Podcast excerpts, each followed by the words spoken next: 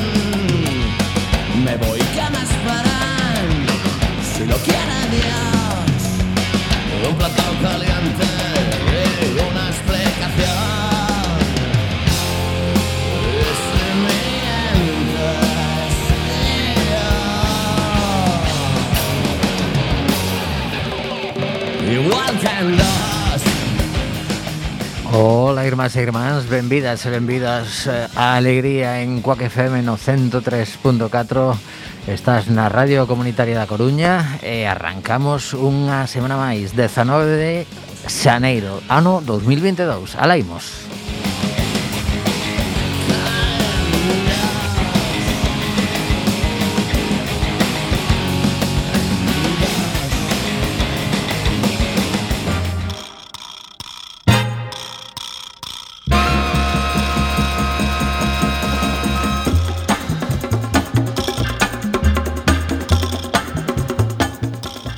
hoxe temos que dar unha boa nova porque o tribunal correspondente da provincia de Madrid decidiu absolver a Enrique Tenreiro, ese artista performanceiro coruñés que se foi ata a tumba de Franco e decidiu pintar ali con bo criterio a palabra liberdade eh, libertad eh, eh, o xulgado estivo aí buscando por onde eh, se podía encausar a este home, ao final decidiron absolvelo totalmente dos cargos que se lle imputaban, polo tanto, pois quedou quedou iso para a historia e este home queda libre. A mala nova do día é que faleceu moi xoven a cantante de, de Detroit Cobras, eh, Raquel Nagui. Eh, como temos unha entrevista e eh, o convidado ten poucos minutos, imos escoitar un pouquiño do pildorazo Chacha Twist dos Detroit Cobras en memoria desta muller e arrancamos alegría.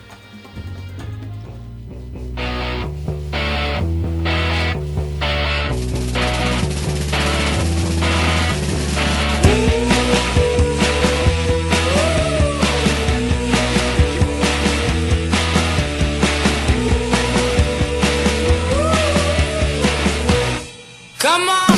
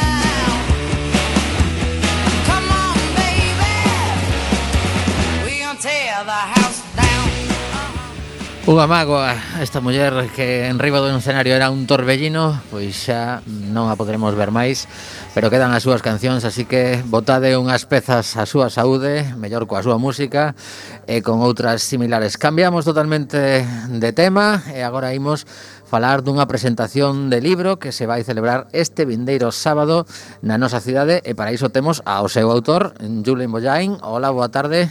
Buenas tardes. Buenas.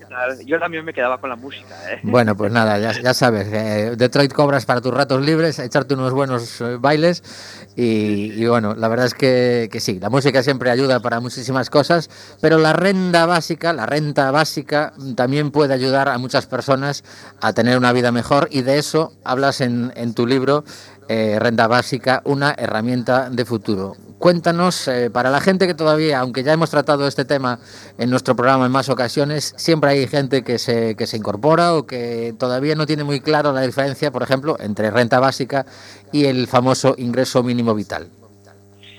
Sí, además en Galicia tenéis grandes activistas por la por la renta básica, ¿no? Gracias a quienes, de, de hecho, voy a voy a estar ahí este fin de semana, ¿no? Pero al final, mmm, bueno, una renta básica viene a ser eh, tiene una concepción distinta al ingreso mínimo vital o a la risga gallega, ¿no? Eh, estos, eh, este tipo de rentas mínimas, se llaman rentas mínimas, ¿no? Actúan una vez la persona ha fracasado, es decir, ha caído, la persona no tiene dinero suficiente para cubrir sus necesidades básicas y tiene que ir donde la administración y decirle, oye, no tengo suficiente, necesito una ayuda de la administración. Tiene que enseñar sus cuentas bancarias, sus movimientos, realmente tiene que desnudarse ante la administración, ¿no? Y esto supone un gran problema para, bueno, pues gran parte de la población y es uno de los ejemplos eh, más claros de invasión de las vidas privadas de las personas, ¿no? La renta básica actúa al contrario, actúa ex ante, es decir, antes de entrada, garantizar a todo el mundo la existencia material un mínimo para poder cubrir sus necesidades básicas, para poder comer, para poder encender la calefacción todos los meses. Es decir, viene a ser algo como un, bueno, viene a ser lo mismo que un derecho, ¿no? Es un derecho de ciudadanía como puede ser la sanidad o la educación, ¿no? Todo el mundo tenemos derecho a ir a la educación, las personas más ricas de nuestro país contribuyen más por, mm, yo que sé, la creación de un hospital y por el mantenimiento de la sanidad pública y tienen el mismo derecho que una persona que no tiene ingresos y que por lo tanto no hace la declaración del IRPF para ir a un hospital. Es decir, Amancio Ortega puede ir al Hospital Público de A Coruña, igual que eh, bueno, pues una persona que gane 900 euros al mes puede ir al hospital público. La renta básica viene a ser lo mismo. Y la, y la renta básica tal como está planteada supondría que a día uno, vamos a poner como ejemplo el día uno de cada mes, le llegaría a la cuenta bancaria de toda la ciudadanía de un país un ingreso similar o cómo, o cómo está planteado. Exacto, la renta básica viene a ser que el día uno de cada mes todas las personas es decir, es individual, es las personas, no la familia, es universal, todo el mundo y es incondicional, es independiente de las condiciones materiales que puedas tener, ¿vale? Recibirían un, un importe igual al umbral de la pobreza. ¿Qué permite esto? Desde un punto de vista filosófico republicano, esto es garante de libertad. Es decir, las personas tenemos que tener la existencia material garantizada para poder ser libres, para poder construir nuestro camino en la vida. Y eso es algo que actualmente no ocurre. Es decir, actualmente quien tiene garantizado de partida la existencia material son, por ejemplo, las personas que tienen siete pisos, los rentistas que viven de alquilar los pisos. Esos son los que no tienen que moverse del sofá ningún mes para poder tener sus necesidades básicas cubiertas. ¿no? Los demás tenemos que ir al mercado laboral, ganar nuestra vida, etcétera, etcétera. La renta básica actúa de manera que, bueno, seamos independientes, podamos ser libres para decidir qué queremos hacer en nuestras vidas y tengamos, como decía, la renta básica no es para que las personas se den caviar o langosta todos los días, no. La renta básica es para que nadie muera de hambre. Entonces lo único que hace es garantizar unas necesidades básicas a todo el mundo. Sí, aquí ahora si me pongo como abogado del diablo, una pregunta que seguramente os plantean a los defensores de esta, de esta medida es, se juntan cuatro colegas, Sí. Y con el dinero que ingresan los cuatro no trabajaría ninguno porque seguramente se lo montarían lo suficientemente bien para que les llegue sin hacer nada. Claro, esa es una pregunta que nos hacen mucho, como, como comprenderán eh, todas las personas que nos escuchan, ¿no? Pero al final, si te pones a pensar, porque eso es lo primero que nos viene a la mente, pero es al revés. Es decir, actualmente las rentas mínimas, como la risga o el ingreso mínimo vital, caen en lo que en economía denominamos trampa de la pobreza. ¿Qué quiere decir esto? Que tú no puedes cobrar al mismo tiempo el ingreso mínimo vital y tener eh, ingresos eh, de un empleo, ¿vale? Rendimientos de capital, eh, de trabajo, perdón. ¿Por qué? Porque si tú aceptas una oferta de trabajo, parte del ingreso mínimo vital o de la renta, si no es toda, se te quita. Entonces esto desincentiva que las personas busquen un empleo. La renta básica, como es incondicional, como la recibes sí o sí, es un suelo, la gente, y esto es lo que se ha visto en distintos proyectos piloto y lo que se ha visto en encuestas, esto ya no es algo que yo me estoy inventando, la gente se siente más activada y por lo tanto busca empleo de manera más activa. Por ejemplo, en uno de los proyectos piloto que se han hecho eh, que más eh, bueno pues sobre el que más se ha hablado es el de Finlandia, ¿no? Y en el proyecto piloto de renta básica de Finlandia se ve que las personas que cobran la renta básica están empleadas más días al año que las personas que cobran una renta mínima, como puede ser la risga. Por lo tanto, mientras las rentas mínimas, lo que tenemos ahora, desincentiva la búsqueda activa de empleo, hemos visto y la evidencia nos muestra lo que teóricamente ya lo suponíamos anteriormente, ¿no? que la renta básica activa a las personas laboralmente. Pero además de laboralmente y el mercado laboral, activa también, por ejemplo, el emprendimiento, el que esas cuatro personas que tú decías puedan juntarse y digan, pues nosotros queremos montar una empresa de este estilo y antes no podíamos porque no teníamos dinero. Y porque si fracasaba la empresa, nos íbamos a quedar sin nada que poder hacer, ¿no? Ahora sí, la renta básica te da esa posible segunda oportunidad y te permite emprender tranquilamente. Lo que se ha visto, por ejemplo, es que se incrementa la creación de cooperativas con una renta básica, ¿no? Lo que también es muy interesante para nuestra economía y sobre todo para la economía social y solidaria, para un mundo pues, mejor económicamente hablando al menos. Vale, como, como sé que te tienes que marchar en un par de minutos, va la última pregunta, después anunciamos, ya nos encargamos nosotros de que la gente sepa a dónde puede eh, acercarse el sábado para, para, conocer más, más en detalle el libro que vienes a presentar. Pero eh, para, para poner en marcha una medida como esta, eh, está planteado que habría que hacer un trabajo de educación previo bastante potente o, creéis que directamente con, que se apruebe esto la gente ya asumiría que, que, eso va a ser todos los meses así de aquí al infinito? Porque también puede ser la posibilidad de que un gobierno decida aplicarla y llegue el siguiente gobierno y corte el grifo. Sí, lógicamente, bueno, eso viene el, el tener que blindarlo por ley, ¿no? Eso es una cuestión aparte pero yo creo que todos los derechos que conseguimos eh, necesitan también de una cultura previa, de una educación previa. ¿no? Eh, actualmente, y vuelvo a lo que decía antes, pero la sanidad, la educación, creemos que son derechos adquiridos y que son gratis. No son gratis. Es decir, hay gente que está contribuyendo y en, supuestamente al menos constitucionalmente de forma progresiva, ¿no?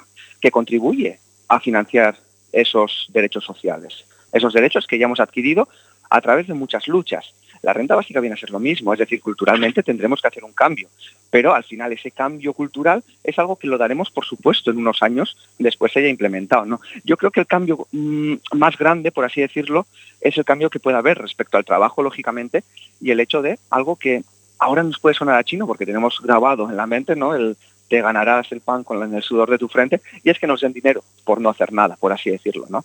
Es decir, y esto ya se decía hace muchos siglos, ¿no? que garanticen el primer derecho social de la ciudadanía, que el primer derecho social es el de existir. Y ese, ese derecho en la actualidad se garantiza precisamente garantizando la existencia material de toda la población. Bueno, Julen, muchísimas gracias, muchísimas por, gracias por, por, atendernos. Eh, ahora, ahora le comentamos a nuestra audiencia a eso, que tienes la, la convocatoria en Atobeira de Oza y, y hablamos de, de, los pequeños detalles al respecto, pero bueno, que, que, a seguir trabajando en este, en este proyecto ilusionante si algún día se llega a, a conseguir. Y, y bueno, que, que, por lo menos que la gente conozca que existe eso, que se está planteando en algunas localidades o incluso a, ni, a nivel de, de países y, ojalá pues vaya calando la idea y, funcione y la, y la, gente se porte bien. Muchas gracias. Perfecto, muchísimas gracias a vosotros, de verdad. Eh, ya lo siento tener que irme, pero bueno, tengo una cuestión personal. Y, y, nada, y es como decías, ahora mismo hay más de 70 proyectos piloto en marcha sobre renta básica, ¿vale? Nos puede sonar a veces utopía, pero es algo que está más cerca de lo que realmente creemos. Es un tema que realmente crea debate y por lo tanto pues os animo a todos y a todas al sábado pues vernos, vernos en La Coruña, que, que seguramente será, estoy seguro que será un evento eh, pues muy bonito, tanto para vosotras como, como para, sí, sí. para nosotros. Supongo que la gente irá con calculadoras, llevarán el, activarán el móvil la calculadora. Seguro. Para saber bueno, cuánto cuesta ya, esto.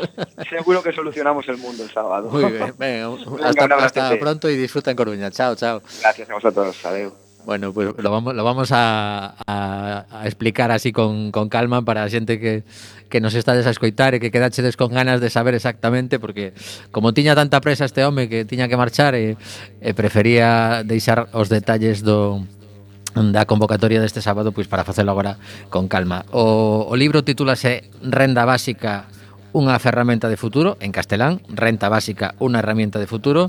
El autor el, con el que estamos hablando hasta hace un momentito, Julen Boyain, y eh, la convocatoria es este sábado 22 a las 7 de la tarde en Atobeira de Oza, que es un, uno de esos espacios coruñeses que, que, hay que visitar porque teñen ali un montón de metros cadrados con, con libros e con outros obxetos culturais e ademais teñen unha parte traseira chulirmo, eh, o sitio. Na que, na que se fan este tipo de actos e outros moitos, porque teño entendido que, que o ceden, sobre todo a xente do barrio, pero estou convencido de que calquera persoa da, da cidade que teña, teña interese en organizar algo e non saiba exactamente onde facelo, pois ten esa, esa posibilidade de, de, de falar con a tobeira de ocio. É grandiño, eh, ademais, ou seja mm. que... Sí, sí, as estanterías son eso, esa, cada estantería desas. Como que eres un libro do, do andar de arriba, como te poñas en campo, mira, mira, que, que me, me chamou a atención aquel vermello dali arriba. Hai que chollalo aí, eh, claro, como claro, e logo dis, ah, pois pues non o quero. Cago, eh. Hai que pensalo ben. Bueno, imos continuar co, co programa. Eh, Oxe temos unha, unha segunda entrevista. Mañá está convocada unha manifestación A sete da tarde A prol da, da sanidade pública Porque están os profesionais eh, E tamén a, a xente que precisa atención Nun momento moi delicado E eh, queremos falar sobre, sobre ese tema. Pero antes eh, teño unha, unha cousa un pouco rara que comentarvos. Eh, Rara en que sentido? o que tiña que ser unha, unha entrevista tamén, incluso con co convidado no estudio, pois foi unha conversa onte de aproximadamente 35-40 minutos coa persoa que queríamos convidar, na que se disculpou moitísimo porque el, mm, digamos, como decisión persoal non concede entrevistas. Entón, como temos unha amizade común, pois decidiu chamarme e contarme, dixe, mira, vouche contar todo o proxecto para que ti tentes eh, transmitilo a xente porque porque seguramente paga pena que o coñezan. Eh, estou a falar de Gabriel Tizón. Gabriel Tizón, mm, o mellor, pois eh, non vos soa demasiado, se non o seguides en, en redes sociais, por exemplo, eu coñezo a Gabriel de fai, de fai tempo, non o coñezo personalmente, nunca estiven con el, pero coñezo a súa obra como fotógrafo, digamos, de vida, fitógrafo que nos conta o que está a suceder en moitísimas partes do mundo, vale?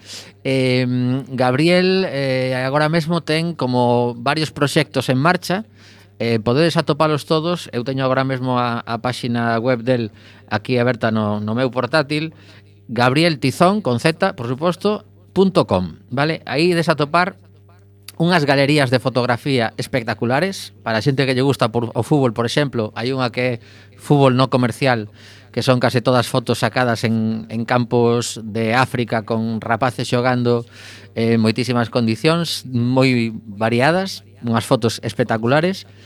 Ten unha exposición de grandes fotografías na Biblioteca Central de Cambre que podedes visitar, eh, incluso vese dende fora da, do edificio porque está na súa propia fachada. Logo ten unha serie de vídeos que tamén están na súa páxina web, como cando, por exemplo, decidiu facer unha exposición no poboado xitano de Arrañas, Ese vídeo está, está recollido de cando inaugurou a exposición. E tamén, eh, digamos, a chamada de, de onte a, a, digamos, o meu intento de, de, de entrevistalo en antena era porque eh, está a funcionar de maravilla o, o documental que decidiu lanzar con imaxes que grabou entre 2015 e 2016 un pouco homenaxe a, a unha persoa importante para el que, que faleceu, ademais de, de xeito repentino. Eh, estaba, estaba actuando cun, cun grupo musical no que participaba e, e caeu desplomada e, e faleceu esta persoa. Entón, el de algún xeito pois quixo recuperar imaxes tanto de vídeo como de fotográficas e coa axuda de Pablo Golubov eh, fixeron unha montaxe de son 26 minutos O documental titúlase eh, Lo importante no importa. Quedadevos co título porque é algo moi mm, chamativo todo o que engloba esa, esas catro palabras, lo importante non importa. Eh, E a partir de aí, pois o que o que ofrece no no documental son imaxes con algunhas frases soltas moi de cando en vez porque basicamente o que pretende é que haxa unha, unha reflexión por parte do, do espectador Eh, este documental aínda aínda non se pode ver, eh, non está disponible en, en plataformas porque agora mesmo está en moitísimos festivais e eh, o que está a suceder é que está obtendo un recoñecemento importante. Eh, el, pois, a verdade é que polo que me dicía non contaba demasiado, pero sí que hai un trasfondo moi grande detrás, porque eh, todo isto está mm, en paralelo ao seu proxecto Utopía Project.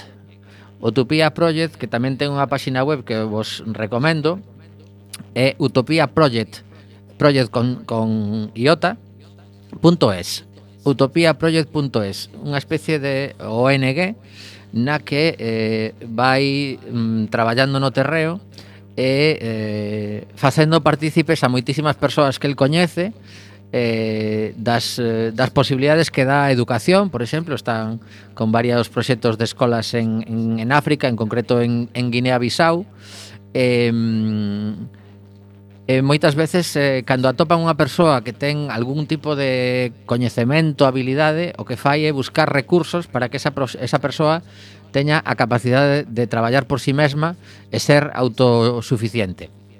Isto, eh, resumindo moito, todo o que fan, eu vos, vos recomendo, eu vou compartir no, no meu Facebook este, esta páxina web, Utopía Project, e aí podedes eh, facer vos socios, eh, aportar donacións, e, eh, eh, como vos dicía, está respaldado por este documental, Lo importante non importa, eh, que para que vos fagades unha idea da magnitude do traballo que, que fixo Gabriel Tizón, pasa polos seguintes países Guinea-Bissau, Senegal, Libia, Grecia, Bosnia, Macedonia, Croacia, Serbia, Eslovenia, Austria, Hungría, Francia e tamén hai imaxes de Galicia. Isto en só dous anos, 2015 e 2016. Algo material que tiña el aí guardado e que finalmente pois decidiu eh, mm, darlle vida a través de este documental que no futuro sí que se poderá ver, por suposto, pero por agora pois pues, está nesa fase de festivais e o último deles foi en Sofía. Comentábame tamén Gabriel que acaban de darlle un novo premio de fotografía e se aleva uns cantos, porque unha vez máis recomendo vos buscalo eh, en Facebook e tamén en Instagram, porque onde tamén está Utopía Project tamén ten eh, páxina en Instagram E aí podedes atopar eh, fotografías de Gabriel que son absolutamente pues, reveladoras e impactantes. Pois o que me comentaba é que, mm, por exemplo, cando a Fundación Real Madrid decide irse a un país de África a, a de algún xeito pois eh, vender que está axudando aos rapaces a xogar ao fútbol e tal, Pois o que sucede, me dice, vouche contar un caso concreto. Eu creo que para a audiencia pode ser interesante eh, que saibamos un caso concreto que me comentou Gabriel porque o viviu estando el nese país. Bueno, resulta que chega Casillas, estamos falando de fai uns anos, eh? Casillas aínda estaba no Real Madrid. Chega Casillas, chega Florentino Pérez para presentar a Fundación Real Madrid unha colaboración cunha escola de fútbol que van a montar ali con o seu nome e tal e regalan unhas poucas camisetas a, aos rapaces. Ben, en paralelo a iso que sucedeu? Levaron dende Madrid ata ali 70.000 camisetas 70.000 camisetas de xogadores que xa non estaban no Madrid que polo tanto non tiñan posibilidade seguramente nin o 5% de ser vendidas no mercado europeo e as puxeron á venta nese país. E o seguinte que sucedeu foi que Florentino Pérez construiu nese país catro hotéis.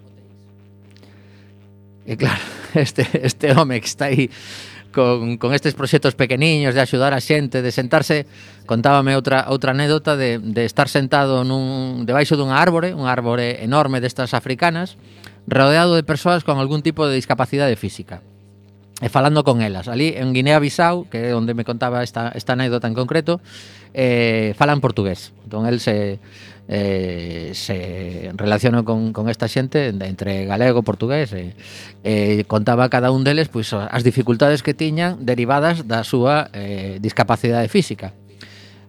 Pero él dicía, vale, mm, me parece moi ben, pero mm, seguramente hai cousas que sí que podedes facer. É unha, é unha moza, contábame en, o caso concreto dunha moza que lle faltaba unha man.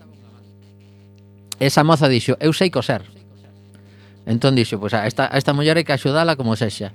E puxeron os recursos para que esa muller puidese eh, desenvolver a, a, o seu coñecemento de costureira e agora mesmo é eh, autosuficiente e vive de, de, de coser para outras persoas con unha súa man para que nos decatemos de que axudando ou colaborando con outras persoas, porque el de algún xeito unha das, das cosas que máis insistiu é que el non se considera que este axudando aos demais, que considera máis ben que, que todo o mundo mm, somos unha cadea de colaboración. Eh, el tamén considera que recibe moitísimo de toda esa xente a nivel de satisfacción personal, de colaboración, de, de, de sentir que está facendo algo útil e, e ao mesmo tempo non deixa de, de facer unha denuncia, por exemplo, no documental vense as, eh, as balsas con persoas... Oxe mesmo, non sei se bichetes eh, o telexornal, que naceu un, un neno, non sei se neno ou nena, nunha patera, que viña cara a España. A, a, a nai deu a luz en plena patera, eh, e, e cun bar, polo visto, bastante peleón, e menos mal que conseguiron mandar a ubicación dende un móvil e foron a, a rescatalo nun, nun barco de salvamento pero bueno, que estas cosas eh, siguen a suceder. E todo isto vos quería contar porque mm, creo que paga pena que, que a xente que escoita alegría busque a Gabriel Tizón en redes sociais, que busque a súa páxina web, a, o Utopía Project tamén, e que, e que esteamos atentos a, a, a próximos proxectos. Ten varios libros na, a venta na súa web que axudan tamén a financiar todo isto. Así que nada, vos deixo con, cunha nova canción que imos escutar agora. Eh, lembro que é gabrieltizón con z.com e Utopía Project con iota, Project non, non con Y. Eh, eu, eu, só teño, eu só teño unha pregunta. Sí. Con que outra palabra pensas que se pode escribir tizón? Te, tes toda a razón do mundo. no, porque po, como estou, estou así un pouco emparanoiao coa C, a Z. Pues, xa, xa, xa. Totalmente de acordo. Bueno, pois nada, que ata aquí esta, esta non sei se si, mm, entrevista contada, non sei como chamarlle, pero pero bueno, que respeto por suposto que, que decida non, non poñer a súa voz a, a isto que está realizando que é tan tan importante eh, lo importante non importa. Así que intentamos facer en alegría que durante estos minutos sí que importase. Traemos unha cancionciña dos Dictators, ímonos ata outro lado do mundo, precisaba un pouco de punk rock na miña vida e con esta canción comecei hoxe o día mentras facía café, así que escoitamos a The Dictators con Avenue A.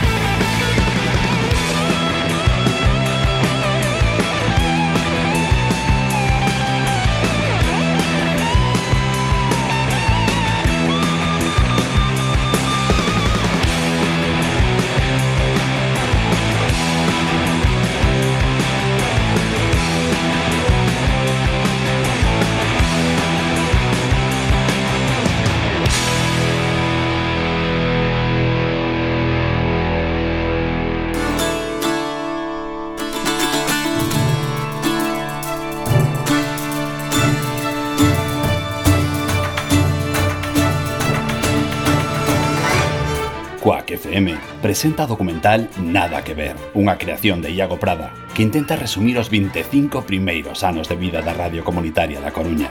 Estrea mundial a beneficio da cociña económica. Teatro Colón, xoves 10 de febreiro. Entradas disponibles en ataquilla.com. Proxecto realizado coa colaboración da Deputación da Coruña e o Concello da Coruña. Cuac FM. Nada que ver dende 1996. Sí, sí, haberá alfombra vermella.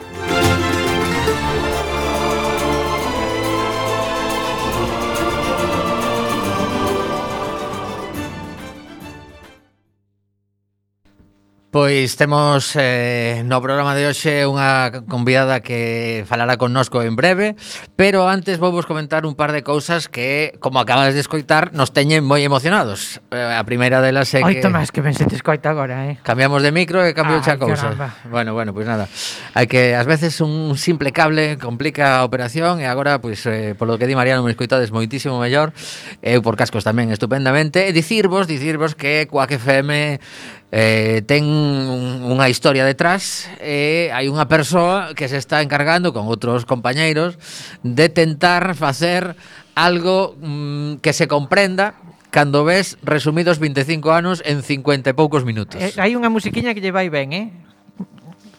Que, a, que te, a que te refires? Sí, a, a tarefa que, encomendada que chan chan chan chan chan, o sea, chan, sí, sí. chan, chan, chan, bueno, chan, é evidente que, que faltan miles de cousas. Eu estou facendo un re, chan, chan, estou, estou facendo un repositorio de vídeos ocultos agora mesmo con todo o que fomos atopando. Destrue iso, Tomás. No, no, Destrue, no. No, porque despois queres o documental dos 50 anos e que? No, no, no, no, a ver, esas ah, cosas non saíron. A, a serie, a serie. Se esas cosas non agromaron a toda agora, eh, será por unha boa razón.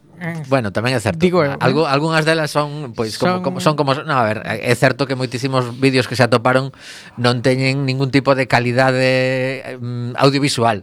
Nin audiovisual nin da outra, eh, seguramente. Eh, auditiva menos incluso, pero, pero pero bueno, eh, son cosas curiosas de ver, eh, aparece aparece moita xente que que incluso ata ata mm, fixen algunha mini grabación de 5 segundos do vídeo que estaba vendo eu para mandar yo a alguén por, por WhatsApp para diga, mira, sales aquí e tal. Oh, joder, xa non me acordaba. Bueno, esas cosas. Total, que o día 10 de febreiro é un xoves e ás 8 da tarde abriremos as portas do Teatro Colón para coller Nada que ver, o documental con ese título eh, xa fixéramos no seu día unha exposición eh, con ese mesmo título porque é un, un dos eslogans da emisora dende fai moito tempo eh, creemos que, que nos representa eh, será unha estrea a beneficio da cociña económica. As entradas costan 2 euros, o que pasa que ah, o sistema de venda de entradas eh, levase 50 céntimos máis, para, mm, bueno, para a xestión, para a promoción, queremos pensar que nos van a facer unha promoción moi gorda. Entón, entón, entón é beneficio da cociña económica e, e do sistema de venda de, de entradas. Sí, vale. Bueno, pues, sí. Eh, eu xa, xa lle xorei, xa, mandelle un mensaxe en plan, mira, que isto, se si queredes facer unha aportación, a cociña económica vai no agradecer. Sí. Porque é o 25% de cada entrada, claro. Veña. Claro, eh, veña, eh, que vos podedes e tal, bueno nada, que hai que hai que animarse a ese día. Eu pois eh, confío en que moita moita da xente que pasou pola emisora, polo menos se entere da convocatoria, mm, seguramente haberá xente que non poida achegarse, como pode ser o noso amigo Borgi, que haberá a ver Home, que Igual colle un avión dende Ibiza. Pero... Sí, porque ao mellor unha, unha oferta tonta destas Eu non sei se o faría, pero, pero a ver eh, máis que ver polo document, mero documental pois pues, pasan uns días en Coruña Hai xente que está chalada eh, sí,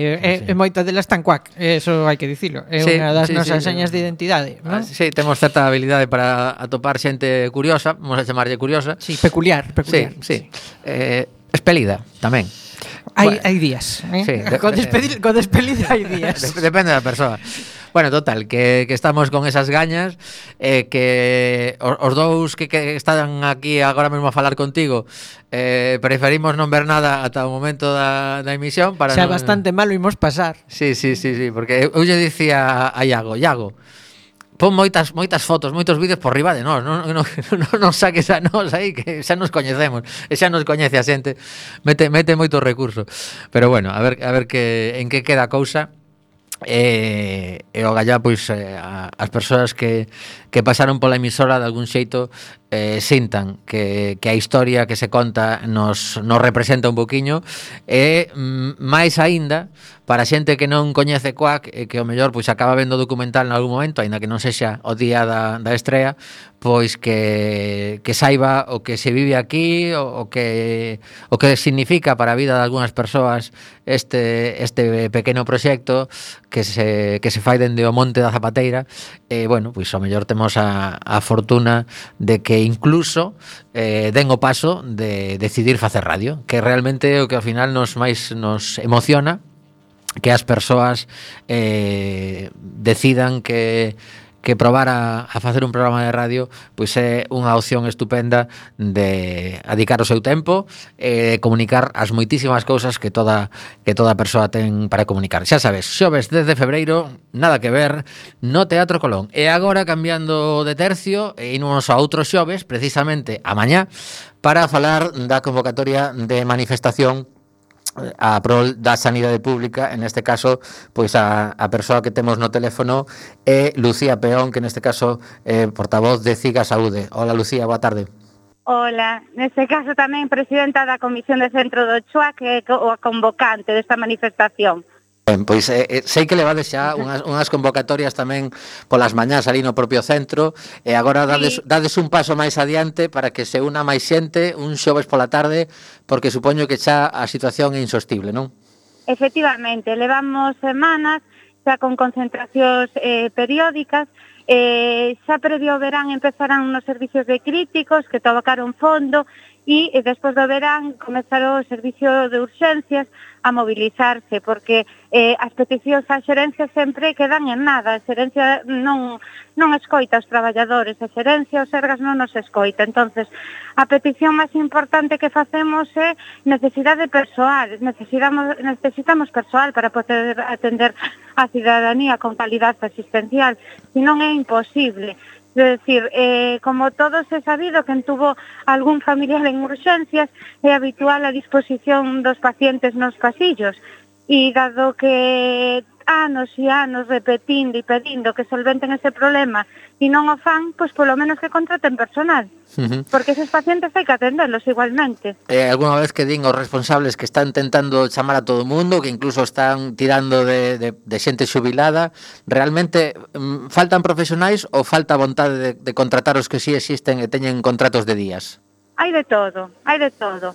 Eh, o que non pode ser é que non escasez evidente de profesionais siga habendo contratos de días. Eso é eh, indignante, porque vamos, eh, o sea, é que non pode ser, se non nos hai, os que tes, terás que ter os contratados, e contratados nunhas condicións dignas, é decir, con un contrato estable e non eh, día a día, vale, a ver se si hoxe me poda forrar un ou mañá me poda forrar dous, comprendes? Sí, sí. Eso por unha parte, e por outra parte, eh, tú o que tes é que ser un xestor e que os recursos que tes xestionar, evidentemente non hai fábrica de profesionais, profesionais teñen unha carreira, teñen uns estudos que base, o sea, necesarios para ese, para ese desempeño. Entón, eh, dado que non hai fábrica, cos que tes, tes que xestionar, tes que contratar os estables e, te, e é o que tes que facer. E non está habendo nada de eso. Ajá.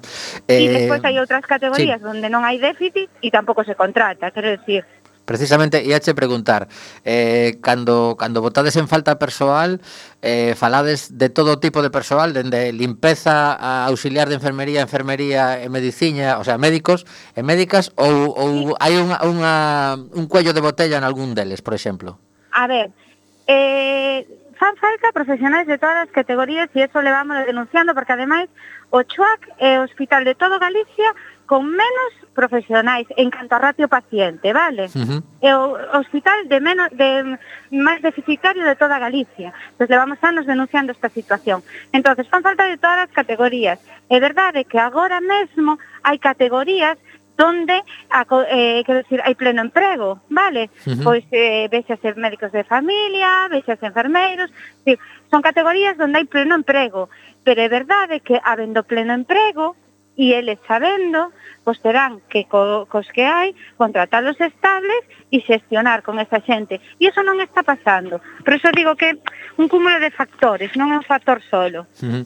E cando cando comentades ese ese problema crónico xa do tema do, da xente nos nos pasillos, eh contando todos os recursos hospitalarios, pois a ventelago, materno, hai forma de que iso non suceda, que non se dé esa situación tan, pois, eh, en, en, cando estás enfermo e aínda en riba tes que estar nun pasillo vendo como pasa todo o mundo, como te teñen que facer probas ali, eso, eh, tedes propostas concretas que sería solucionable? A proposta concreta levamos a nos decir que necesitamos camas de hospitalización, porque si evidentemente todas as semanas hai xente no pasillo, quere decir que as camas de hospitalización son deficitarias. E eh, plantean un novo chat con apenas incremento de camas, apenas, porque eh, non temos exactamente o número, porque non nos lo deron, pero se fala de 30 40 camas, e eso, para, eso é irrisorio. Pero no, no, y... unha pregunta, non me estás falando dos 400 millóns no novo chat, 30 40 sí. camas. Sí, o eso é o que nos din. Bueno, eso, eso que, sí que, eso sí que, que serían as, as camas máis caras da historia. Claro, porque a ampliación do novo CHUAC se basa en hospitalización a domicilio, en outro tipo de proxectos e non en tanto en aumento de camas. Caramba. O eso é o que nos din. Ajá. Entón, quero dicir, se si todos os días hai xente no pasillo de urxencias, quero dicir que fan falta camas de hospitalización. Eh, agora mesmo, as camas que hai disponibles están todas usándose. É verdade que hai unha planta no ventilago que lle chaman de colchón, que abre e pecha. Agora mesmo está aberta Pero, claro, quero decir, si tú ves ano tras ano que a xente está nos pasillos e que necesitas camas e non incrementas camas, pois vas a seguir tendo a xente nos pasillos, é evidente. Xa. Pero ah, espazo hai para, para esas camas. No, no edificio, Claro, no edificio actual. Eh, bueno, habría que habilitar, claro. Por exemplo, no materno, hai anos se pecharon a planta que continúa pechando, que ahora é todo escombros, que eso se podría eh, rehabilitar e usar. Ajá. Quero decir, Si busca sempre hai, evidentemente. Vale, vale. Y, a, a eso me refería, pero, precisamente eso, que, que haxa algún, alguna planta, por exemplo. Espazos, que vale, hai, vale. hai espazos, o que pasa que hai que rehabilitalos, non están para entrar xa. Xa, xa, xa. xa. E a pregunta que é eh, esa, quero decir, para entrar xa no, para, uh -huh. pero para rehabilitar sí. Non sei se si, eh, notas eh, que, que empeza a calmarse un pouco esta, aínda que siga moi, digamos, eh, moita xente eh, hospitalizada pola, pola COVID, é, eh, é unha realidade que, que notades que por fin empezamos a, a respirar un pouco no, no nivel de, de ingresos e de consultas? Eh, de momento no. Ajá. De momento non chegou o pico de hospitalización. Si que me preguntas o pico de hospitalización, todavía non chegou. O sea, que, que seguimos incrementando esa, sí, esa sí, cifra. Sí, sí, sí. sí. Eh, date conta que que habitualmente o pico de hospitalización ven sendo unha semana despois do pico de positivos. Se non chegamos ao pico de positivos, non chegamos ao pico de hospitalización. Claro. E outra das cousas que está a suceder dende fai tempo é que eh, operacións ou intervencións que que se consideran menos urxentes, pois eh, ven como se retrasa a súa cita eh, xente que xa leva moito tempo agardando posiblemente. Sí. Eso, sí, eh, y esto pues eh, se prevé que, por lo menos hasta que ahora empecé a baixar un pouco a incidencia do COVID, pues, é eh, posible que, que se desprograma algunha máis, porque unha cirurxía tamén hai que ter en conta que consume unha cama de reanimación e, e consume unha cama de hospitalización. Claro. Entonces todos esos recursos, se están ocupados pola COVID, non non están ocupados pola cirurxía. Uh -huh. Entón non é tanto o quirófano en sí, sino como recurso posterior. Para a convocatoria de mañán, lembramos que as, as sete da tarde dende a Casa do Mar, Casa do Mar. ali no, no cruce entre a Avenida do Exército e, e Ramón y Cajal, eh, tedes te eh, respaldo de, do resto de organizacións ou, ou non conseguixe despoñer sí, vos de acordo? Eh, Sí, sí, sí, sí, de feito é o que che decía ao principio, é unha presidenta do, da Comisión de Centro, vale, que é o Comité de Empresa, para que nos entenda a xente, e o Comité de Empresa está eh, composto agora mesmo por sete sindicatos. Estamos todos na, na convocatoria da, da manifestación, Ajá, co bueno. cual, eh, con un pleno, quero decir, sí, sí, o 100%. Sí. Estamos todos traballando no mesmo porque eh, todos est eh, estamos eh, traballando para os traballadores que non poden máis, e agora necesitan que a, que a cidadanía escoite, que escoite isto, porque eh, non podemos eh, seguir traballando a estes ritmos, non podemos seguir traballando a estes ritmos e que o Serga siga desoindo e non facendo nada. Claro, dende aquí o que o que imos facer un, un chamamento a que a, a xente que, que escoita eh, coa FM, pois que si teñen a oportunidade de que se acheguen mañán a sete da tarde e que pensen en toda a cantidade de días que fai que deixamos de aplaudir a, ao traballo que estades a facer e, e, e todo ese tempo que, que levamos acumulado debendo vos aplausos pois, eh, que se transforme mañán en estar acompañándovos nesa manifestación. Porque ademais é importante tamén recalcar que levamos dous anos de pandemia donde os profesionais renunciaron a sus libranzas, dobraron quendas e a día de hoxe siguen sin recuperarse nin sin ter un plan de recuperación de cando podrán descansar. Xa. Tan básico como eso, descansar. Sí, sí, sí, sí. Bueno, ademais non só descansar, sino tamén atender as, as peques que tedes na casa, que, que vexo que tes por aí seguramente a, a túa agora neste momento de conciliación, así que imos imos eh Non tiña con quen deixar. Claro, no, non te preocupes en absoluto que isto isto é parte da vida, por suposto, e o que imos facer é de, deixarche que atendas, así que moi, Lucía, moitísimas grazas, eh, grazas o galla o galla mañán responda a xente. E, e, e, e, e sobre todo que ao día seguinte a Xunta faga algo. Ese é o máis importante, que por favor, que nos dé eh, aire para respirar. Pois sí. Aire. Pois nada, aire. aí estaremos. Moitísimas grazas, unha aperta. A, a vos, a vos, un saúdo. Chao, chao. Bueno, pois sabedes que, que a situación está ao límite dende fai moito tempo, estamos estirando unha corda que pode romper en calquera momento, esta xente é moi importante, eh, Mariano Mariano sabe do que fala.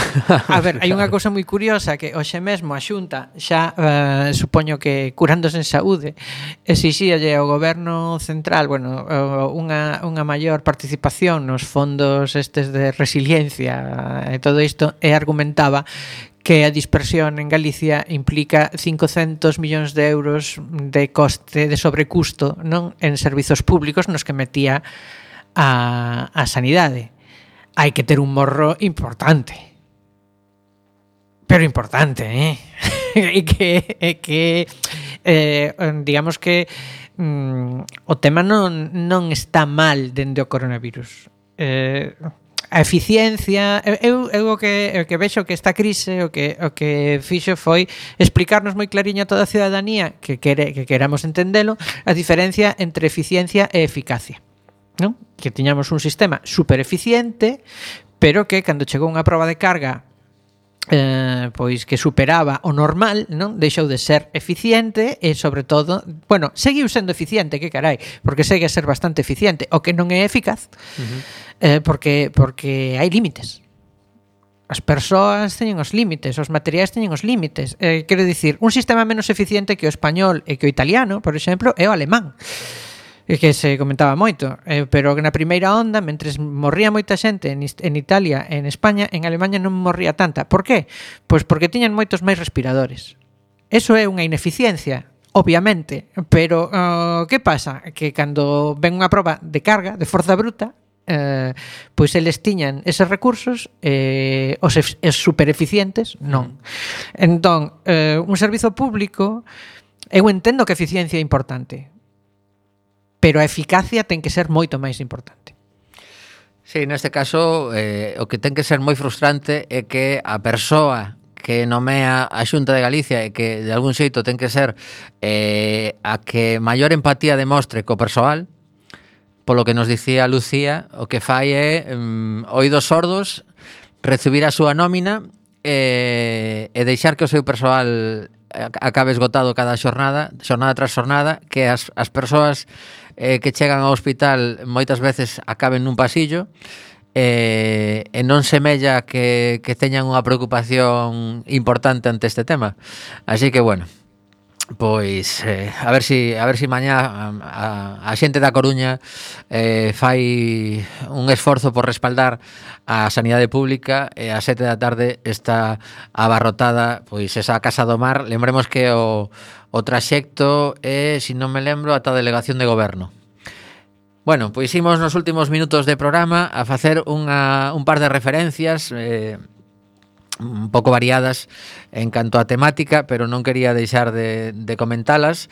Eh, onte presentouse en Fitur eh, a oferta turística do Concello da Coruña e chama atención que eh, presentamos o turismo cultural e de ocio como eh, principais apostas da cidade anunciando que haberá un gran concerto en Riazor ou varios, non se sabe, pero sin datas nin artistas. Entón, agora, seguramente, unha vez anunciado en Fitur, o que haberá que facer é poñer moitos cartos en riba da mesa para que iso sexa unha realidade.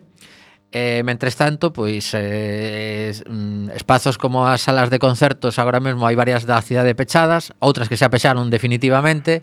Eh, os artistas eh, locais pois, están nunha situación moi delicada porque evidentemente teñen moitos dos espazos nos que nos que traballaban durante o ano sen poder facelo. Eu ás veces, eu ás veces teño a sensación de que volvemos aos 90 Sí, ¿no? Sí, sí, mm, sí. Non hai así unha especie de eh, sensación de que estamos sí. nos primeiros 90, outra vez.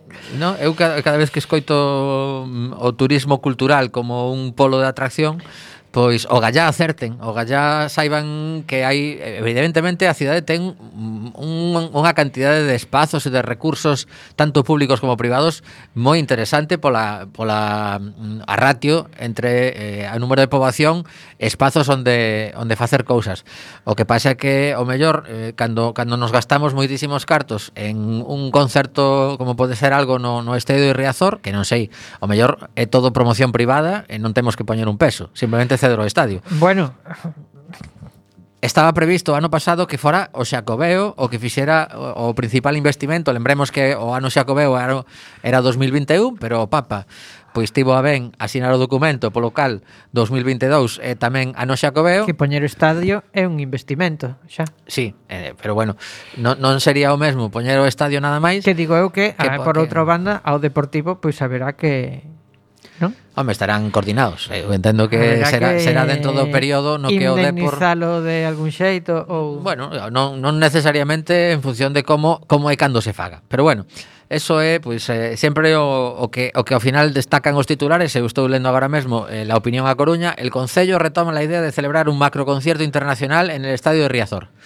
Ben, isto é o que sabemos. E, e unha vez máis hai moitos moitos festivais mm, de música que xa están anunciados e na nosa cidade, polo que eu sei, non hai ni siquiera fixadas as datas, polo menos públicamente, de cara ao noroeste, ao Festival Noroeste Estrella Galicia, que se fai dende moitos anos. E, pois, ia traer outra nova, pero queda para a vindeira semana, porque xa nos quedan uns segundiños de nada, e temos que despedir. Mm, voltaremos o vindeiro mércores, eh, se nos estás escoitando en directo, eh, agardamos que disfrutaras deste tempiño de radio e imos poñer unha canción, mandamos un bico a Bea que hoxe está traballando precisamente no hospital. Eh, escoitamos unha canción que xa puxemos outro día pero que como lle collín cariño me parece así de borrollo para rematar pois aí, aí vos queda. Escoitámonos a vindeira semana non movas o dial 103.4 Quack FM Let's go.